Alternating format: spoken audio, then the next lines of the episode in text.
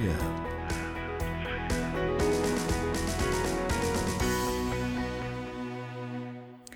نتحدث اليوم عن الشخص الاستغلالي. من هو هذا الشخص؟ كيف أميزه وكيف أتعامل معه؟ للحديث عن هذا الموضوع ينضم إلينا عبر الهاتف من دبي محمد الطيب خبير التنمية البشرية. سعد مساك أستاذ محمد. أول شيء من هو الشخص الاستغلالي؟ كيف ممكن أو كيف لي أن أميز هذا الشخص؟ أمل كيف الحال؟ الحمد لله بخير وعافية الحمد لله.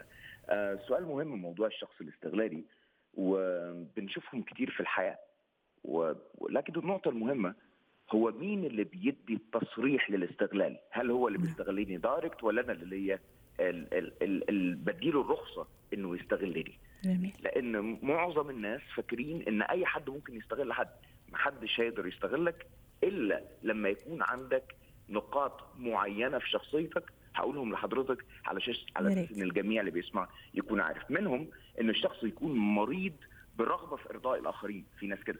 أه. عنده إن هو عايز يرضي كل الناس. وده نوع من نوع من أنواع الأمراض النفسية اللي عند الناس. أو مريض بالرغبة في نيل استحسان الآخرين. ده برضه نوع تاني. أو يكون عنده مرض اللي هو الرهاب العاطفي الخوف من المشاعر السلبية إن الآخرين يشوفوه بالشكل ده. أو رغبة في أنه يكون دائما الضحية أو يلعب دور الضحية. ده جزء ده واحد من دول. وفي ناس بيحبوا يكونوا كده اللي هم بيسموهم الدراما كوين لو بنسمع المصطلح. وبعض الأشخاص هو مصطلح عجيب النهارده بنشوف الناس عايز يكون ضحية وكمان عايز يشتكي في نفس الوقت وفرحان إنه كده. ولو ما لقاش حد يستغله بيروح يدور على حد. آه يدور على حد يستغله. علشان كده قبل ما أتكلم على الشخص اللي بيستغلني لازم أنا أتكلم على أنا كشخص بقبل بده أو لا. ممتاز. طب أستاذ محمد خلينا نروح أيضا قبل ما نروح نقطة إني كيف أتعامل معه. نحكي شوي على أنواع الاستغلال. لما أقول استغلال يعني مو شرط مادي قد يكون عاطفي قد يكون ولا لا؟ مليون في المية. لأن الناس بتروح دماغها على طول في موضوع الاستغلال المادي. بس على فكرة هو مش هيقدر يستغلني مادي لما يكون مستغلني عاطفي. آه ممتاز. علشان يقدر يطلع مني هذا هذا الشيء. لازم يكون لمس معايا في شيء عاطفي في ناس عندهم القدرة التامة على ده. في في نقطة مهمة إن النهارده لو أنا بتكلم مع حد. آه على التليفون مثلا أو سألتك أمال ممكن توصفي لي توصفي لي شكلك شكل شكل وشك. فلو وصفتي لي شكل وأنا بدأت أرسم الشكل اللي حضرتك بتوصفه لي وارد جدا يكون غلط. فأنا دايما التخيل اللي هيبقى جوه دماغي هو الشكل اللي حضرتك وصفته لي ده بالظبط نفس الشكل نفس الطريقة اللي أنا ساعات بصورها عن نفسي للآخرين.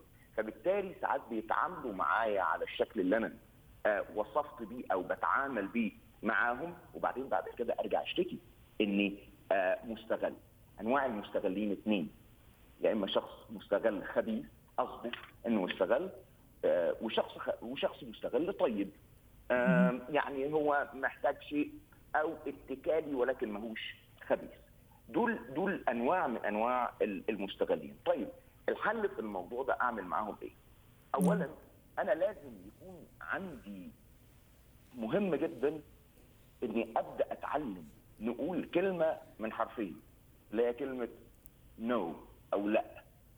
للأسف إحنا بنخاف نقول نو no.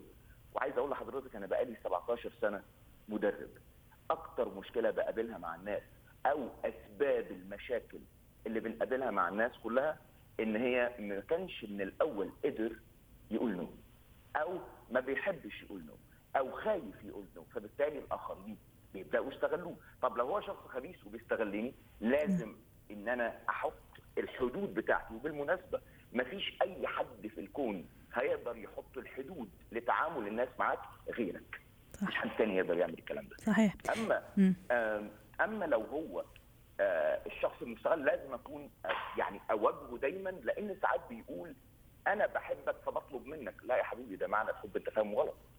مش معنى الحب إن أنا أعمل اللي أنت عايزه. معنى الحب إن أنا أعمل إن إحنا الاثنين نعمل الأشياء اللي تريح بعض. لكن أنا لو قلت لك لو قلت لك في يوم لا أنت تكرهني يبقى بالتالي أصلا مفهوم الحب ماهوش موحد بيني وبينك. طب الشخص الطيب اللي هو آآ آآ يعني بيطلب مني اشياء أو عنه.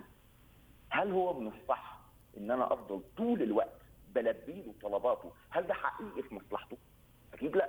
أنا محتاجه إنه يبدأ يتعود إنه يتعامل مع نفسه أو يعتمد على نفسه لأن أنا مش بايده طول الوقت.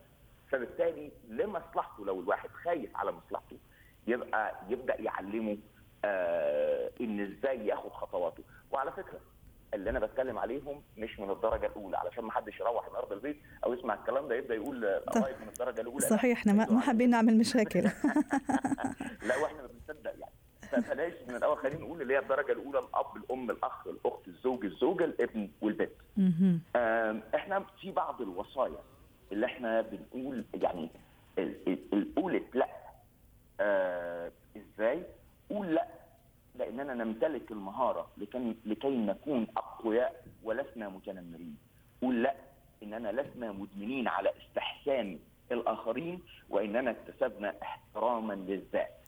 قول لا لتعجل خلال الأيام الحياة يمكننا من أن نكون أكثر تاملا ونجاحا. لأن هتدي لك وقت إنك تبدأ تتعامل وتفكر مع واضح. آه مع نفسك. فالشغل عندنا مش عند الآخرين. شكرا لك أستاذ محمد الطيب خبير التنميه البشرية من دبي ويسعد مساك. ختم حياتنا. شكرا لكم. حياتنا.